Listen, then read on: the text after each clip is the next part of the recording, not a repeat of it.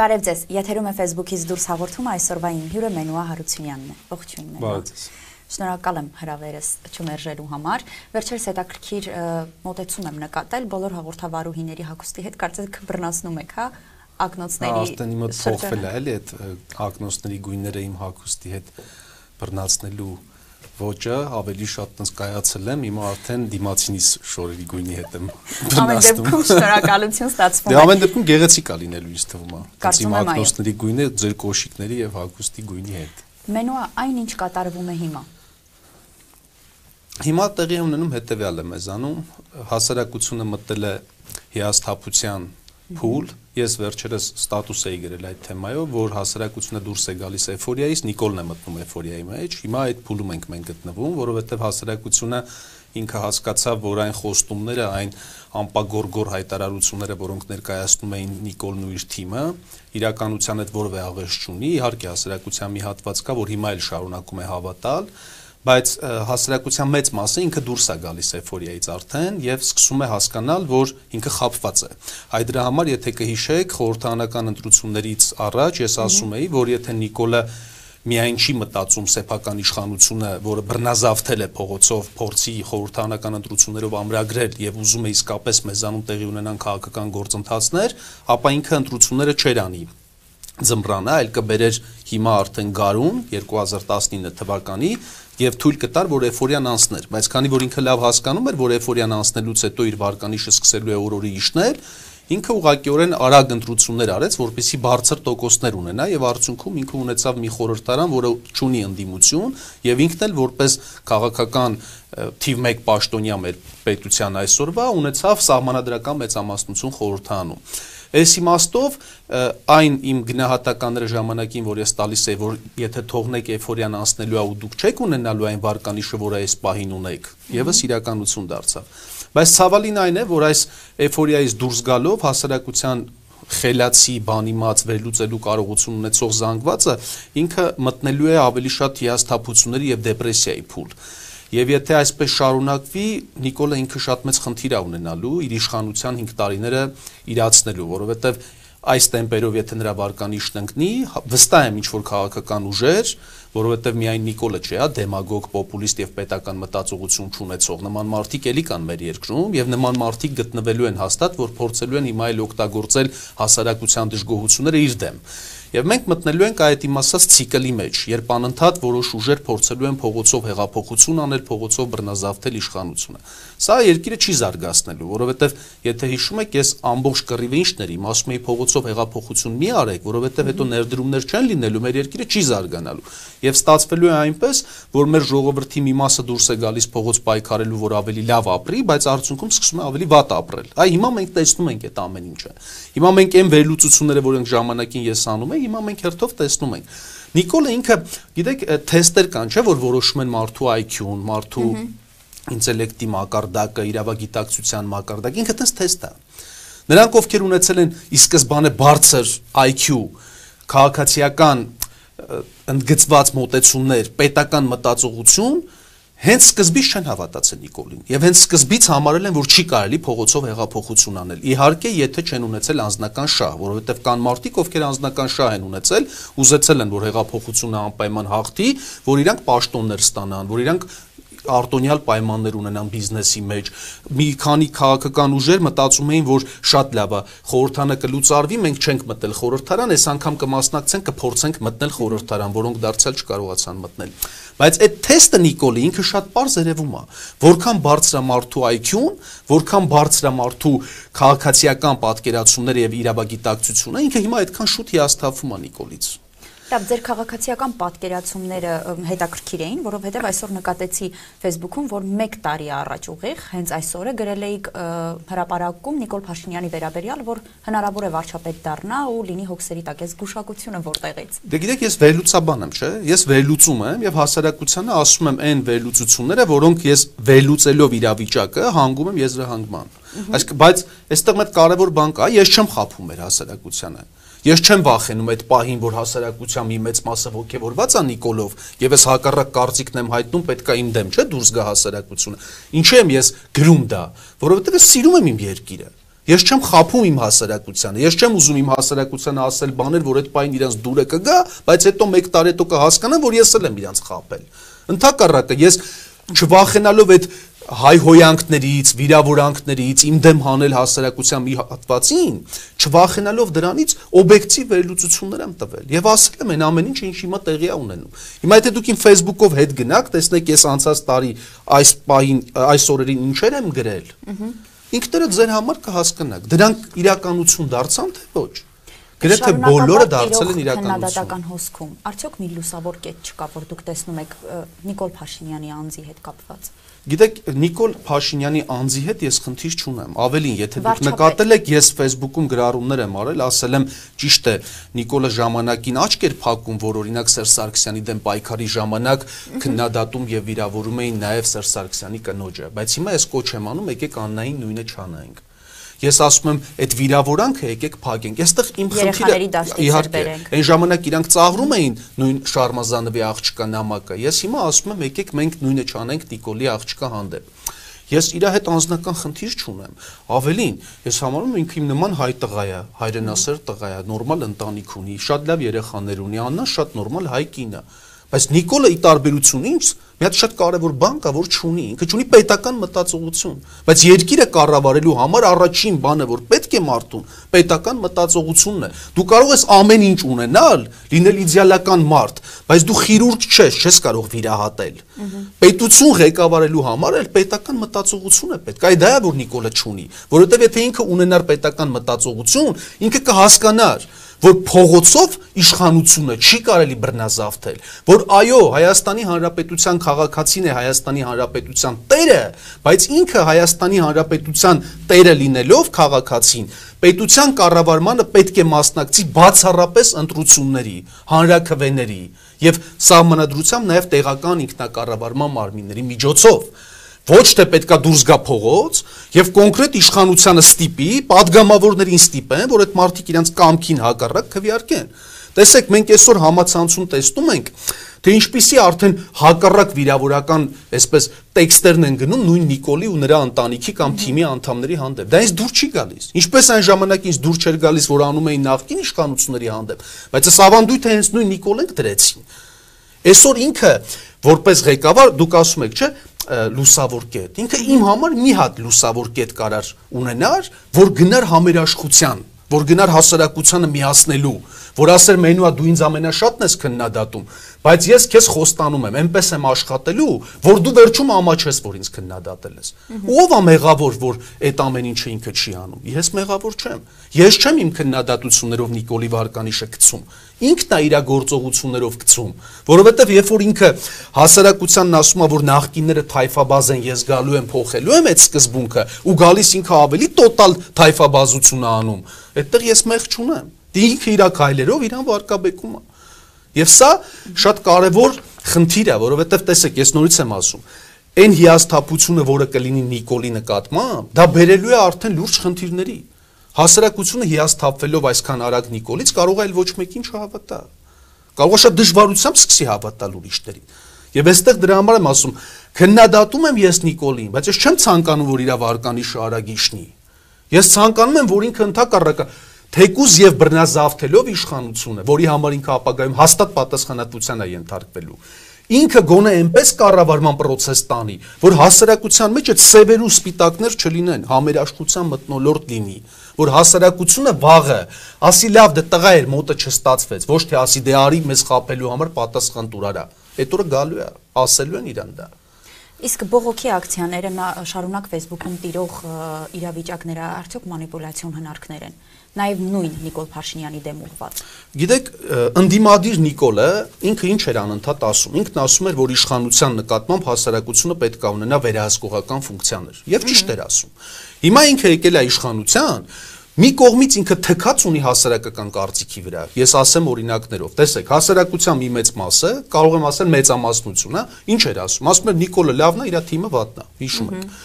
Դա նշանակում է, որ եթե դու լսում ես հասարակության կարծիքը, ապա դու պետքա քո թիմը փոխեիր, ավելի պրոֆեսիոնալ դարձնել եւ ավելի ապա քաղաքականացված, ոչինչ, պարտադիր չի քո թայֆային բերես պաշտոնների։ Ինքը չլսեց։ Սա ցույց է տալիս, որ ինքը հակառակ կապը չունի, այսինքն իր համար հասարակության կարծիքն այլևս էական չի։ Տեսեք, հասարակության մի մեծ մասը, ելի վստահ են, որ մեծամասնությունը շատ բացասական արտահայտվեց ապարքեվավճարների մասին, հատկապես ՊԵԿ-ում տեղի ունեցած ապարքեվավճարների։ Էլի սրան հակառակ պատասխան չեկա։ Ոչ թե Նիկոլն ասես ճիշտ է ասում հասարակությունը, հետ տվեք այդ փողերը կամ լավ հետ մի տվեք, ել չեք անելու նման բան։ Երեք մենք արդեն տեսանք, որ նորից ՊԵԿ-ում եղել են ապարքեվավճարներ։ Այս քայլերը ցույց են տալիս, որ Նիկոլը որպես իշխանության կրող հասարակության կարծիքի վրա այլևս թքած ունի։ Եվ մյուս կողմից, որ ամենաաբսուրդն է, հասարակությունը վերահսկողական մեխանիզմներ չունի։ Հիմա տեսեք, Նիկոլն ասում է օլիգարխները այլևս չկան։ Նիկոլն ասում է կոռուպցիա այլևս չկա։ Հասարակությունը ո՞նց պետք է իմանա, կոռուպցիա կա թե չէ։ Իրանք բոլոր պաշտոնները ես դա մի անգամ եմ ասա, իրար մեջ են բաժանել, իրանք իրար հետ աշխատում են, իրար վերահսկում։ Եվ այս իմաստով հասարակությունը ինքը այլևս այս իշխանության վրա կոնտրոլ չունի։ Ինչի է դա բերելու։ Դա բերելու է նրա, որ հասարակական որոշակի շերտեր արդեն սկսելու են փողոց դուրս գալով պայքարել իրանց իրավունքների համար։ Ոնց որ երեք տեսակ կառավարության շենքի մոտ։ Մի խումբը լոմբարդների համար է պայքարում, մյուս խումբը գազավորված ըմպելիքի համար է պայքարում, հետո այն մյուս խումբը կգնա, չգիտեմ, շենք են քանդում դրա համար կպայքարի։ Հիմա Նիկոլի եւ հասարակության միջև խզվածություն է առաջացել հասարակությունը չի վերահսկում Նիկոլի իշխանությանը, որովհետև չունի մեխանիզմներ, ընդհանրապես պետք է հավատա Նիկոլի խոսքերին, իսկ Նիկոլի խոսքերին կյանքը ցույց է տալիս, որ չի կարելի հավատալ, որովհետև ինքը գրեթե միշտ կապում է։ Եվ իր սեփական խոստումները չկա։ գործողություն չկա, որ կարող ես դրական արձագանքել, թե ցանկացած Դուք նշեք, օրինակ, որը դրական նշեմ։ Չկա որևէ բան։ Լավացել է մարդկանց կյանքը։ Էժանացել է մարդկանց կյանքը Հայաստանում խոշոր ներդրումներ են տեղի ունեցել։ Արցախյան հարցում աթորները զբաղեցրած մարդկանցից մեկին նշել Արարատ Միրզոյանի Ռուսաստանի այցը շատ դրական է իմ կարծիքով։ Գիտեք, Ռուսաստանի այցը Արարատ Միրզոյանի դրական է թե ոչ, դա ժամանակի մեջ կարող են գնահատել։ Էմոցիոնալ հա կարող ենք ասել, ինչ լավ խոսեց մեր Արարատը։ Համեմատենք իրեն Մասիսարի հետ, ինչ չի։ Դա քաղաքական գործընթաց է, մենք պետք է ապրենք, հասկանանք այդ ելույթի էֆեկտները լավն են թե վատն են։ Ես դրա համար եմ ասում, այդ էմոցիոնալ վիճակից պետքա դուրս գալ։ Կոնկրետ է, չէ՞ պետք խոսել։ Կյանքը թանկացել է ավելի։ Այո։ Ներդրումներ կան, ոչ, աշխատատեղերը ավելացել են, հակառակը կրճատվելու են։ Արցախյան հարցում մենք ունենք առաջընթաց, հակառակը այն դիրքերը, որը որ որպես իշխանություն Սերժ Սարգսյանի իշխանությունը հանձնեց, այդ դիրքերը թուլացան։ Այսինքն ապրիլյան պատերազմից հետո միջազգային հանրությանը Սերժ Սարգսյանը պարտադրեց, ասեց, եթե բանակցելուն զուգահեռ Ադրբեջանը պատերազմ է սկսում, ես բանակցելու խնդիր չունեմ, ստիպեք, թող հարգի բանակցությունների գործընթացը, դրանից հետո տվեք երաշխիքներ, որ այլևս պատերազմ չի սկսելու, նոր կսկսեն բանակցել։ Այդ սկզբունքը, որը շատ կարևոր էր Հայաստանի համար, եւ Հայաստանի եւ միջազգային հանրության շահերը համընկնում էին, այլևս չկա։ Հիմա դուք ասում եք, չէ՞, հա կարող եմ առանձին վերցնել, որ օրինակ առողջապահության նախարարի կյանքը փոխվել է ինքը իր կնոջը ինքը իր կնոջը ինչ որ պետական բյուջեից հատկացում է արել եթե այս կոնցեպցիայով իհարկե լիքը բանա փոխվե նիկոլի թիմի մոտ շատ բանա փոխվե ինքը ուշադիր որ նայեք կտեսնեք այդ մարդկանց կյանքը այո փոխվել է իրանք ընտրությունների ժամանակ հպարտանում էին գլուխ էին գովում որ սեփական կատու չունեն այսօր արդեն ունեն սեփական ավտոմեքենա բայց չի փոխվել իրանց կյանքը Բայց դրա համար են իրանց բերե իշխանության հասարակությունը։ Ոչ։ Իրականում հասարակական կյանքում քաղաքական գործընթացներում որևէ բան չի փոխվել։ Նիկոլ Փաշինյանը ամենակարևորագույն կետերից նույնիսկ մեկում, երբ ասաց ես եղել եմ քաղաքական բանդարկյալ, չնայած ինքը չի եղել քաղաքական բանդարկյալ, ինքը շատ իրավական համաչափ տրամաբանությամբ բանտ անետվել ու ճիշտ արվել, որովհետև ինքը մարտի 1-ին հորդորում էր հասարակությանը փողոց դուրս եկած մարդկան զինվել փայտերով, քարերով եւ չընթարկվել ոստիկանությանը, պայքարել իշխանությունը բռնազավթելու համար։ Եվ ասեց, ես թույլ չեմ տա, որ իմ իշխանության ժամանակ խաղ բանտարկյալ լինի։ Բայց դա էլ խափեց։ Այսօր Ռոբերտ Քոչյանը խաղ բանտարկյալ է։ Այսինքն, այս մարդու գործունեությունը ինքը որպես այդպեսին որևէ դրական բան, որևէ դրական նույնիսկ հերանեկար չի կարող տալ ինտելեկտ ունեցող մարդուն։ Մարդ, որը որ ճունի ինտելեկտ, ճունի աշխարհընկալում, կրթություն չի ստացել եւ էմոցիաներով է ապրում, ինքը հա կարամ երկու տարի էլ յոլա գնա այս տեսարաններով, որ մի հատ հարուստից ինչ-որ բան են խլում կամ ինչ-որ մեկին պարկասնում են ասֆալտին։ Բայց ինտելեկտ ունեցող մարդիկ չեն կարող։ Եվ այստեղ ես շատ կարևոր մի բան պետք է ասեմ։ Մեր հասարակության այդ ինտելեկտուալ հատվածը մտածելու, վերլուծելու կարողություն ունեցող հատվածը ինքը իրավունք չունի երկրի պատասխանատվությունը գցի տգետների վրա ու ինքը ասի դե ինչ ուզում են թողանեն ոչ Եվ դրա համար ես ասում եմ պետք է հասարակական վերահսկողություն լինի Նիկոլի իշխանության վրա։ Բայց հասարակությունը հիմա իսկապես մեծ վերահսկողություն ունի, որովհետև տեսնում եք կատարած ցանկացած քայլ, այսինքն նաև նախկինում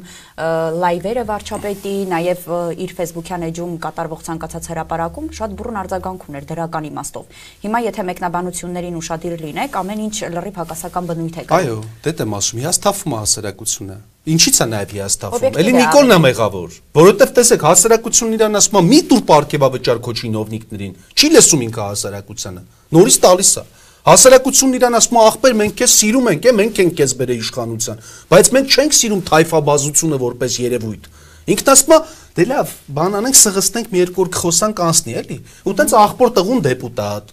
Ինչ որ դուք հələ գնացեք այդ վերևից իջեք ներքև, տեսեք մարզերում ինչա կատարվում։ Մարզպետները օրինակ Արարատի մարզպետը իր ասա Գերդաստանին տեղավորել է աշխատանքի։ Հասկանում եք, սա խնդրեմա լրջագույն, որովհետեւ երբ որ դու այդ թայֆաբազությունը դնում ես, Երեխեքը, որ ինստիտուտում պետքա լավ սովորեն, դպրոցում պետքա լավ սովորեն, որ կարիերա անեն, կորում է իրանց նպատակը։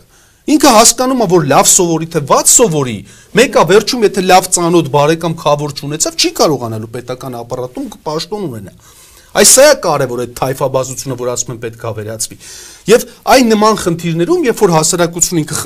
խնդիրա բարձրացնում ու Նիկոլա անտեսում է, կորում է իրանց կապը։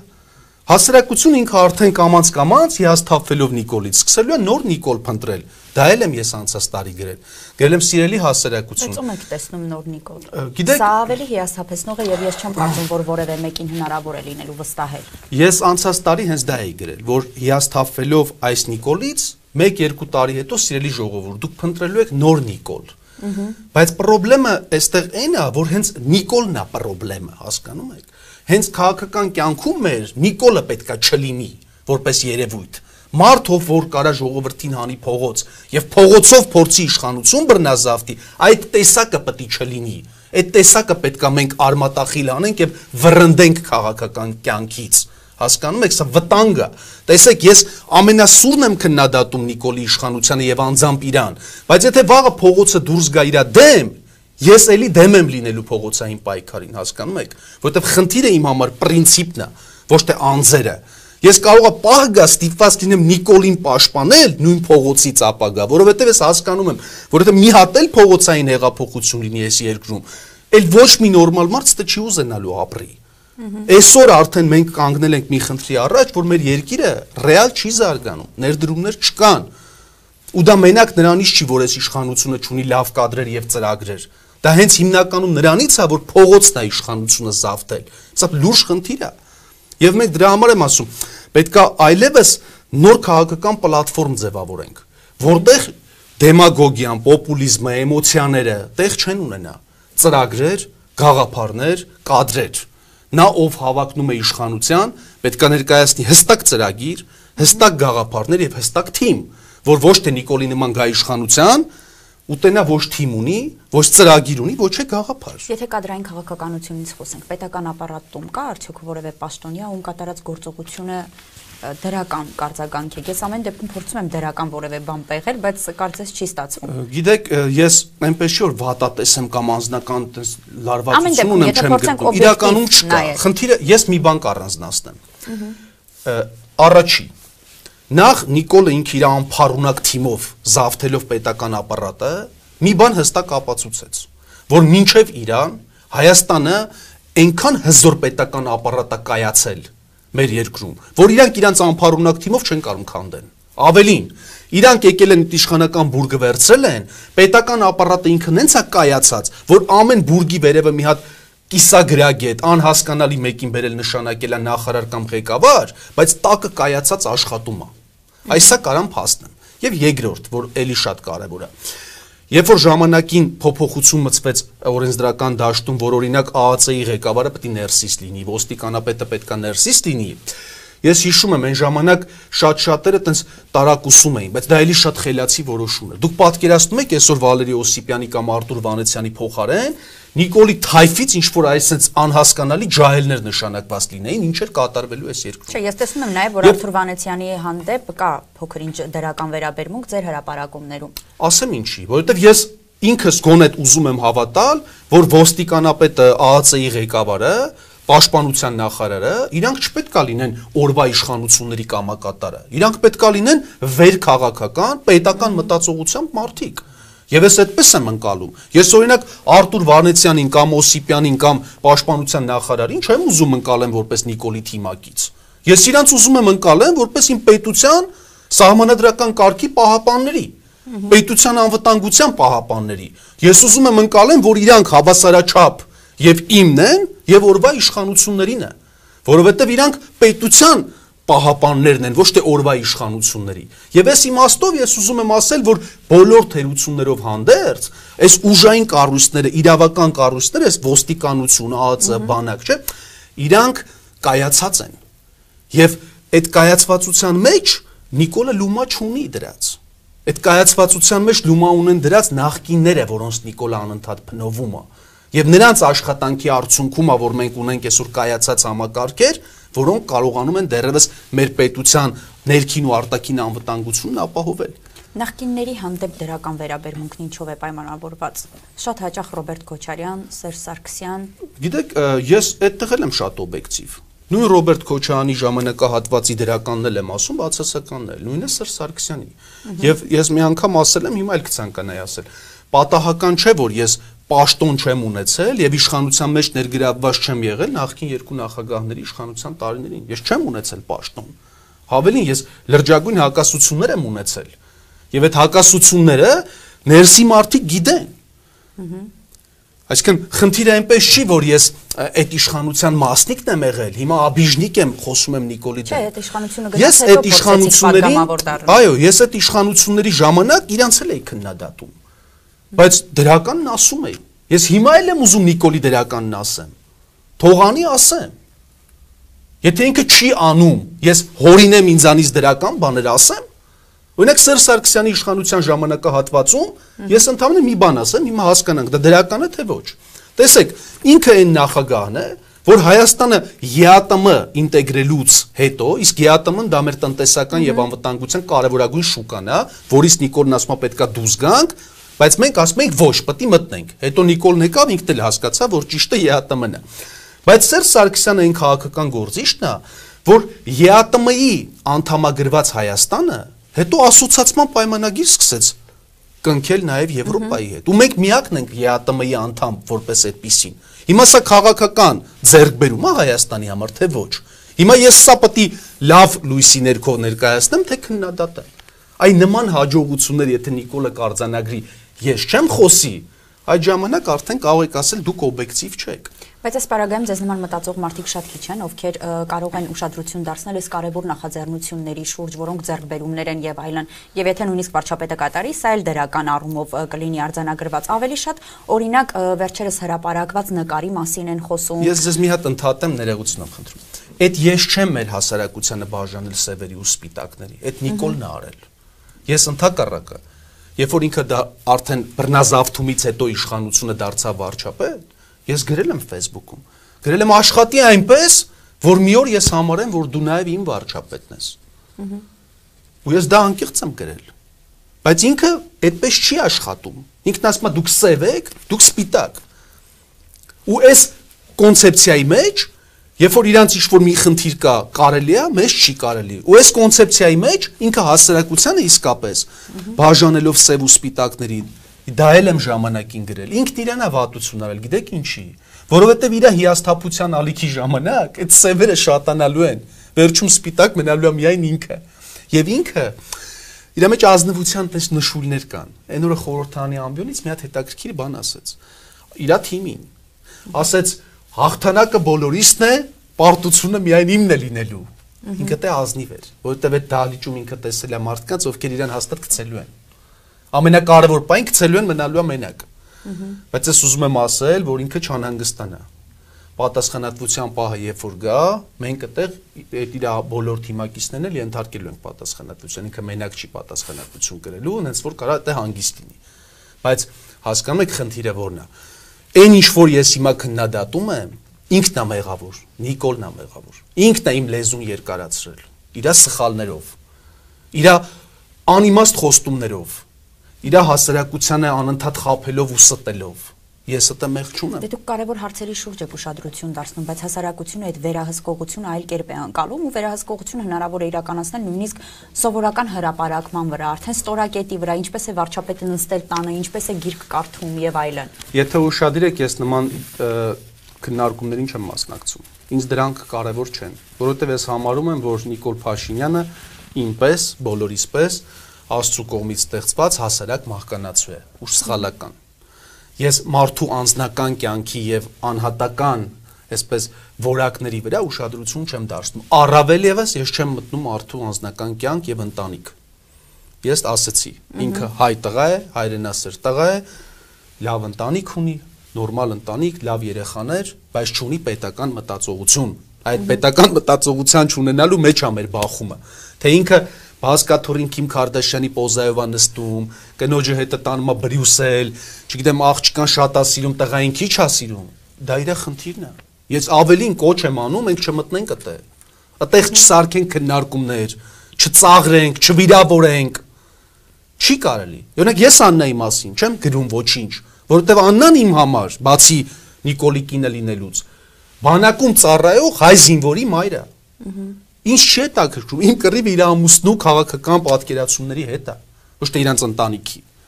Դրա համար ես ասում եմ, ճիշտ է, իրանք այն ժամանակ կոչ չէին անում, որ Տիկին Ռիտային չի կարելի վիրավորել, որ Սերժ Սարգսյանը մեր երկրի լավագույն ղեկավարներից մեկն է եղել, երկար տարիներ ծառայել է մեր պետությանը, կարելի է քննադատել, բայց չի կարելի վիրավորել։ Չէին անում։ Իրանք ընդհակառակը տոն էին տալիս, որ այդ վիրավորանքները շատ լինի։ Ես հակառակն եմ ասում, ասում եմ եկեք մենք նույնը չանենք եւ փակենք այդ էջը մենք քաղաքական դիսկուս ունենանք իրար հետ իրար չվիրավորելով հասկանում եք սա է կարևորը դրա համար ես ել եմ ասում եմ դետալներ կա փոքրիկ sense որ մտնում նայում եմ չէ իմ համար դրանք ծիծաղելի են ես այնքան քաղաքական ասելիք ունեմ Նիկոլին որ հաստատ չեմ կախվի էլ այդ նկարներից Ես այնքան արգումենտներ ունեմ իրան քննադատելու, որ հաստատ չեմ կախվի ինք իր կնոջը տարելա Բրյուսել թե չէ։ Իսկ այս Սորոսյան խաղերը։ Դե Սորոսը առանձին թեմա է, ես անդադ անդրադառնում եմ։ Ես խորապես վստահ եմ, որ օտար երկրյա գրանտային կազմակերպությունները, որոնք Հայաստանում միջամտում են ներքաղաքական կյանքին, իսկ Սորոսի հայաստանյան գրասենյակի տնորեն Լարիսան, եթե չեմ սխալվում, ինքը հայտարարեց, որ իրենք միշտ էլ ի սկզբանե եղել են այսպես կոչված այս հեղափոխության կողքին, դա նշանակում է, որ իրանք փաստացի իրենց մասնակցությունն են բերել Հայաստանի Հանրապետության իշխանության բռնազավթման գործընթացին, նման ուժերը պետք է Հայաստանում չգործեն։ Ես խորապես վստահ եմ, որ մենք ապագայում արգելելու ենք նման կազմակերպությունների գործնեունությունը Հայաստանում։ Եվ ձեր ակցիան, այսինքն ձեր չէ, նախատեսված ու նախաձեռնած ակցիան, որին մասնակցեցիք նաև դուք պետական համալսարանի դիմաց։ Դե դա ավելի շատ Նարեկի պաշտպանության տենց խնդիրներ, բայց ես ուզում եմ մի շատ կարևոր բան ասել տեսեք մարդը գրանտ է ստանում օտար պետությունից կամ օտար կազմակերպությունից հետեւաբար ինքը այդ կազմակերպության կամ պետության շահերը պետք է սпасարկի փողը տվել են իրանք էլ պատվիրում են երաշխիությունը այս մարդը գալի Հայաստանում պետական պաշտոն է ստանում հասկանում եք օտար պետության փողերով ծառայում է մեր պետական համակարգին տես բան չի կարա լինի սա աբսուրդ է դրա համար ես Նիկոլին ասում եմ այդ քայլը կարաս անես պետական ապարատից վրընդիր բոլոր նրանց, ովքեր գրանտ են ստացել օտար երկրյա։ Եվ փակ պահիր պետական ապարատը դրանց առաջ, որտեղ դրանք գործակալներ են պոտենցիալ։ Դրանք կարան ներսից քանդեն մեր երկիրը։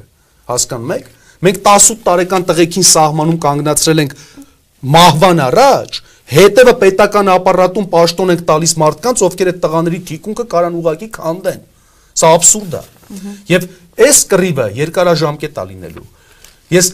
եւ Սերժ Սարգսյանի ժամանակ եմ պայքարել գրանտակերների դեմ եւ հիմա եմ պայքարում եւ պայքարելու եմ միշտ իմ երկրի ներսում օտար փողերով հասարակական քաղաքական օրակարգին որևէ մեկը պետք է իրավունք չունենա մասնակցել սա շատ կարևոր խնդիր է Մի թեմայել էլ անդրադառնանք եւ սրանով եզրափակենք այսօրվա հաղորդումը Կարեն Կարապետյան Ռուսաստանում պաշտոն կստանա որտեղից այս ինֆորմացիան Այդ ինֆորմացիա մամուլն է հրապարակել, ես չեմ հրապարակել, բայց այդտեղ էլ ես անկեղծ շատ եմ ցավում, որ Կարեն Կարապետյանի պես որակյալ կադրերը ասենք չեն գնահատվում Հայաստանում կամ դառնում են որոշակի քաղաքական հանգամանքների զոհ, բայց տեսեք Ռուսաստանում գնահատում են, որովհետև նրանք իրականում պրոֆեսիոնալ մենեջեր է Կարեն Կարապետյանը։ Ես չգիտեմ, կարծում եմ այդ մարդկանց պետք է մենք այսպես պինդ բռնենք եւ օգտագործենք հանուն մեր պետության, բառից լավ իմաստով։ Այդ նման մենեջերներ մենք շատ չունենք, նման որակի կադրեր մենք շատ չունենք։ Եվ եթե հիշում եք, ինքը որ մտավ քաղաքական կյանք, հասարակությունը իրան շատ բուրըն ընդունեց, այդ դրայվ բերեց ինքը մեր քաղաքական կյանք։ Ժողովուրդ իրան համեմատում էր Կարեն Դեմիրճյանի հետ շո նոր որակներ բերեց մեր քաղաքական դաշտ։ Հետաքրքիր էր նաև նստելու ձևը կառավարությանից եւ ամեն ինչ էին։ Ամենակարևորը ազնվություն, որը ես ամենուր ասում եմ, պետք է ազնիվ լինել հասարակության հետ։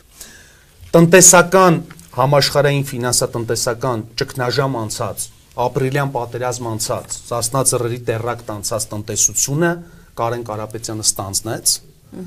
եւ ազգային ժողովի ամբիոնից հայտարարեց. Մեր տնտեսությունը գտնվում է շատ ծանր վիճակում նա ազնիվություն բերեց քաղաքական դաշտ, նա չխափեց հասարակությանը, ազնիվ ասեց։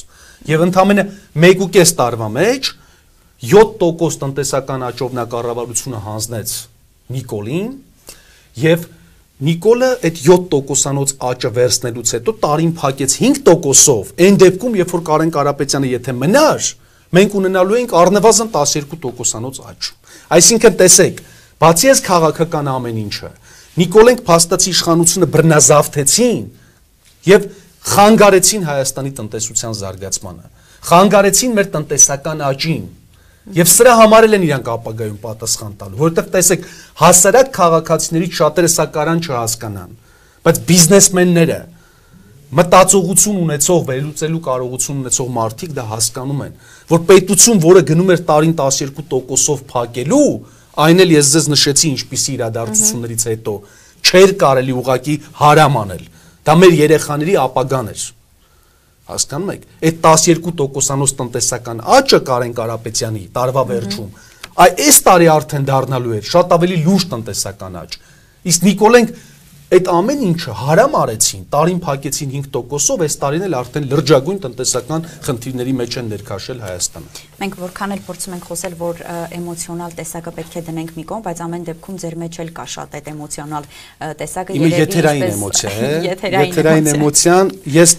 տեսեք, շատ հաճախ ձեզ մեղադրում են, չէ՞, այդ ժեստիկուլյացիայի կիրառման մեջ էլ ինձ կարող են մեղադրել ամեն ինչի մեջ վիրավորեց եթե չեմ սխալվում վերջին մամուլի ասուլիսն ինձ կարող են վիրավորել չգիտեմ մեղադրել ամեն ինչի մեջ բացի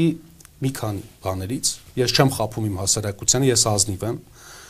ազնիվ եմ նաև նույնիսկ այն ժամանակ երբ գիտեմ որ իմ խոսքի համար կարող է ազգի մեծ մասը ինձ չընդունի բայց ես էլի ազնիվ եմ ասում եմ ինչ որ ճիշտ եմ համարում Եվ ես գիտեք ինչն է հետաքրքիր, եթե փորձեք նաև ազնիվ ու անկեղծ պատասխանել։ Օրինակ դրսում մարդկանց վերաբերմունքը ինչպես ինչպեսին է լինում ձեր անձի նկատմամբ։ Օրը փոխվում է։ Տեսնում են օրինակ սրճարանում եւ այլն։ Facebook-ում այլ է, բայց հետաքրքիր է Facebook-ից դուրս ինչպեսին է ռեակցիան մարդկանց։ Օր-օրի փոխվում է նույնիսկ հիմա քաղաքում արտիկ կան իմ հետ սելֆի են անում ես էլ ասում եմ ես Նիկոլը չեմ գնացեք Նիկոլի հետ արեք գիտեք ինչ հասարակական քաղաքական կյանքը այդպեսին է այդ ես Facebook-ում երբ որ այդ ժամանակ ինձ այդ իմ ատելության պիկին ես գրել եմ որ ինձ շատ մի ատեք, հետո շատ սիրելու եք, ատելությունից սեր մեկ քայլը։ Դա հասարակական քաղաքական կյանքը։ Ինչ որ պահի սիրում են Նիկոլին, բնականաբար ատում են ինձ, ես քննադատում էի Նիկոլին։ Հետո կանցնի ժամանակ կասեն հրա, բայց ոնց որ այս տղին ճիշտ էր ասում, ներողություն եմ խնդրում, կսկսեն ինձ շատ սիրել, Նիկոլին չեն սիրի, բայց դրա համար ես ինչ եմ ասում։ Ասում սիրելի ժողովուրդ, մի սիրեք, մի հավատացեք ոչ ինձ, ոչ Նիկոլին։ Մենք հասարակ մահկանացուներ ենք կարող ենք խապել։ Մեզ այդպես է Աստված ստեղծել։ Հավատացեք Աստծուն։ Մեր ծրագրերին հավատացեք։ Մեր ծրագրերի հետևից քայլեք, ոչ թե անձերի։ Էսա իմ կռիվը։ Ես ոչ չեմ ասում ես Նիկոլից լավն եմ։ Ես ասում եմ ես Նիկոլից մենակ մի բանով եմ տարբերվում։ Ես ունեմ պետական մտածողություն, ինքը չունի։ Բայց ես ասում եմ, սիրելի ժողովուրդ, հիմա պետք չի Նիկոլից հիասթափվել, նոր Նիկոլ մանգալ ծրագրեր են պետք է երկիրը զարգացնելու համար։ Դրա համար ես շատ տես թեթև եմ նայում թե հասարակություն իմ նկատմամբ ինչ վերաբերմունք ունի, որովհետև ես ին ներսում վստահ եմ, որ չեմ խափում։ Հեսա խնդիրը։ Հասկանում եք, դրա համար ես այն ամենա